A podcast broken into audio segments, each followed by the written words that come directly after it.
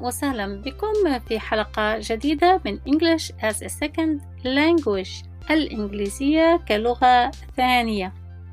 هناك تعابير إنجليزية خاصة بالأمريكان وأحد هذه التعابير all over the map.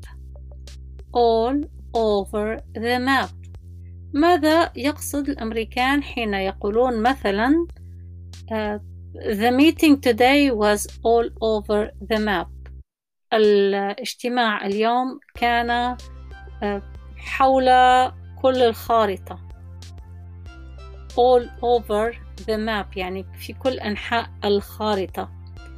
فحين تكون في اجتماع في العمل ويقولون الاجتماع اليوم كان في حول كل الخارطة.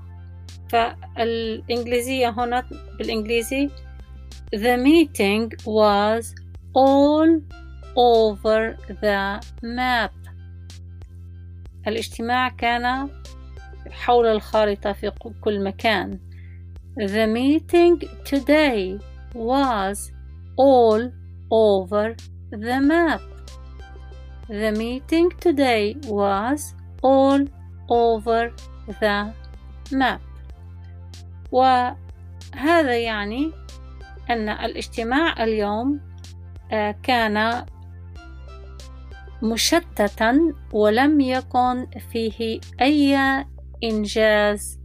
الإنجاز المطلوب لم يحصل. فإذا عبارة all over the map أي أن هناك أمر كان مخربطا عشوائيا غير مرتب بشكل جيد ولم ينجز الغرض المقصود. All over the map. All over the map.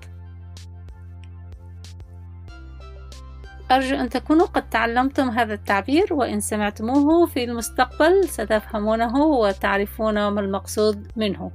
All over the map. شكرا جزيلا.